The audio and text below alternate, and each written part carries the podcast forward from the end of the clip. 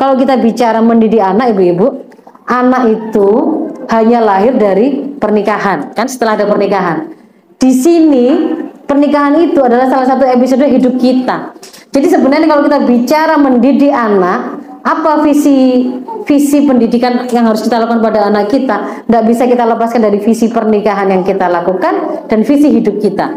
Visi hidup kita itu kita diciptakan oleh Allah untuk mengabdi kepada Allah kan? Ya kan wa khalaqtul jinna wal insa illa sehingga ketika kita menikah menikah pun dalam rangka ibadah. Menikah ini dalam rangka ibadah dengan cara apa? Menjalankan seluruh episode hidup kita sesuai dengan aturan Allah. Termasuk ketika di sana ada lahir anak-anak kita. Maka mendidik anak itu atau parenting itu bukan cuma bicara tentang tips and tricks parenting. Misalkan gimana cara ngajari anak cepat membaca, bagaimana menyiapkan empati yang bergizi, gimana mengatasi anak tantrum di tempat umum. Itu itu memang diperlukan tetapi lebih dari itu sebenarnya mendidik anak itu urusannya terkait dengan visi misi hidup kita. Urusannya dengan halal haram. Nggak hanya urusan dunia ini tapi juga akhirat gitu loh. Urusannya itu dengan ini amanah yang wajib kita tunaikan. Sehingga ini butuh butuh ilmu. Karena kalau tidak punya ilmu ibu-ibu ini yang terjadi. Kata Ibnu Qayyim al-Jauziyah dalam kitabnya Tufatul Maudud di Akamil Maulud.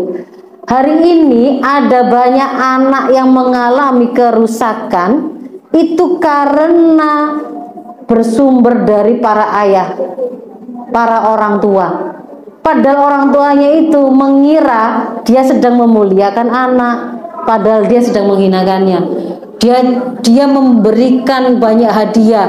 Dia e, menuruti kemauan-kemauan anak dan seterusnya karena ketidaktahuannya dia mengira orang tua itu sudah menyenangkan anak membahagiakan anak memuliakan anak. Ternyata dia sebenarnya sedang merusak anak. Jadi orang tuanya sendiri yang merusaknya. Karena itu ini e, sebagai penutup melaksanakan tanggung jawab sebagai orang tua itu butuh ilmu.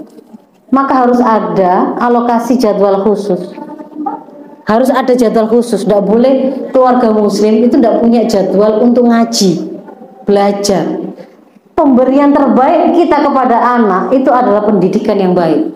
Dan Allah sendiri memberitahu melalui lisan Rasulnya bahwa kalau Allah menginginkan kebaikan ada pada diri seseorang dia pasti akan fakihkan dia dalam masalah agama. Jadi orang itu kalau dia itu akan mau jadi baik dia harus mendekat pada agama.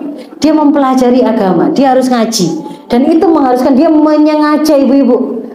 Menyengaja ngaji ada jadwal khususnya di rumahkah, di lembaga yang sudah disediakan oleh lembaga, hadir secara rutin. Di situ kemudian istiqomah. Insya Allah dengan itu semoga kita bisa mendapatkan ilmu-ilmu atau sakofa yang kita butuhkan untuk mendidik anak-anak kita.